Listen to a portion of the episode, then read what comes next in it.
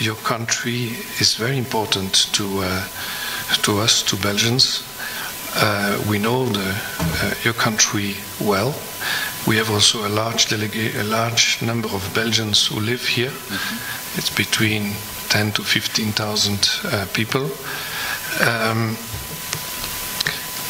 South Africa is playing a very important role in, in the world, is representing Africa through the G20 and, and the BRICS that you will uh, preside soon. Um, but by this visit, we want to, to emphasize the collaboration and to uh, increase, to bring it to a higher level, to um, to foster more uh, collaboration in all kinds of sectors. And as you said in our private meeting, uh, that you are impressed by the delegation we brought. In, indeed, we have a strong delegation um, of uh, uh government, federal and uh, regional. Uh, we have also a business delegation that you will meet later on. thank you for that. And um, we, al we also have universities uh, that are looking for exchanges and uh, of students, but also the research. We have cultural actors, and we have um, also social entrepreneurs. We have uh, two interesting uh, social entrepreneurs, which I hope you will you will meet, uh, doing wonderful, having wonderful projects. So we are very very enthusiastic uh, to collaborate in, and to make the difference by this visit in, on so many fronts. Um, be it in the climate change the, and the just energy transition, the public health issues and the equitable access to vaccines, as you rightly said, uh, the clean energy such as hydrogen, um, but also social inclusion. And uh, our companies uh, that are investing here and want to invest more uh, are very keen on this uh, topic, the social inclusion. They, will, they want to uh, work on that. Um, and if you, uh, if you allow me, maybe I pass on the word to Minister Foreign Affairs, and then the Minister Presidents, they can say a few words, please. Thank you very much, Your Majesty, and thank you, uh, Mr. President, for the warm welcome here in Pretoria. We had, yes, a, an, a warm and extended uh, conversation with uh, my counterpart, uh, Dr. Pandor, this morning about uh, many international issues, um, and I take the occasion because I didn't say it uh, how, to say how we are grateful uh, for the collaboration we had in the past in the UN Security Council, and that we have in the Human Rights Council right now. And so we see the defense of the multilateral order as a priority. We also thank South Africa for its very extensive uh, contribution to peace and security efforts in Ethiopia, in Mozambique, and in the DRC.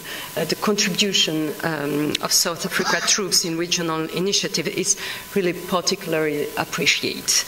And on the DRC, I must say that uh, we are very concerned about the situation in the East and the risk of further regional instability, and that's why we are pushing at the EU uh, side to do more with uh, concrete initiatives, especially in the field of the reform of the security sector. We are also looking closely at the democratic process uh, in view of the next election, which will be really uh, challenging considering the situation on the East Congo.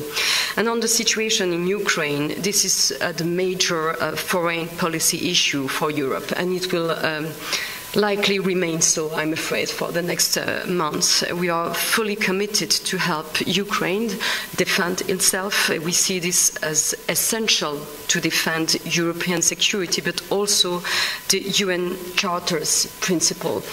But we understand South Africa's choice to remain uh, aligned in the conflict, uh, which is a distant one for your citizens.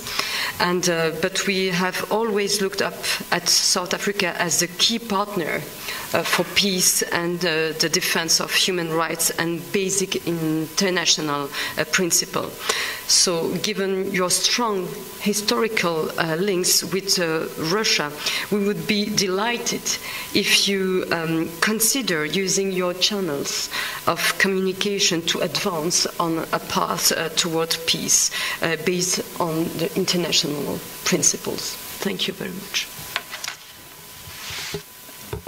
Thank you. We thought maybe after your intervention, Your Majesty, we would then allow our ministers uh, to then make interventions. And we often find that once uh, the two heads of states have spoken, the members of the media usually would like to take time off and go and rest a little bit.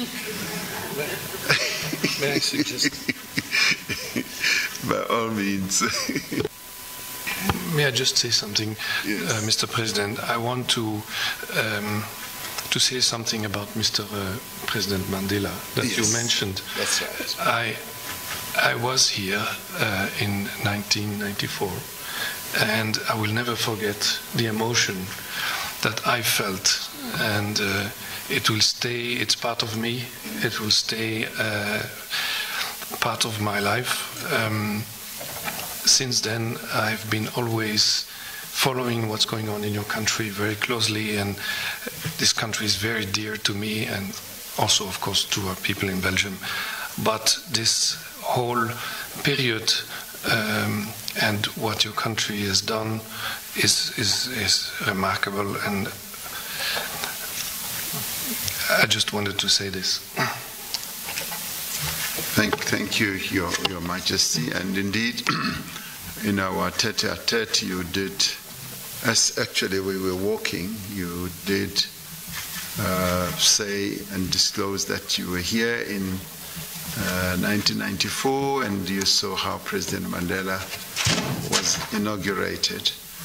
So, what I did want to say is that as we allow the media to go and rest, because this is their siesta time, uh, we will continue. But what I had also wanted to respond to, to the Minister uh, of International Relations from Belgium, that yes, indeed, we, we do and we continue to use the channel that we have uh, with, uh, with uh, uh, Russia to talk peace, uh, to talk about how the conflict can be brought to an end.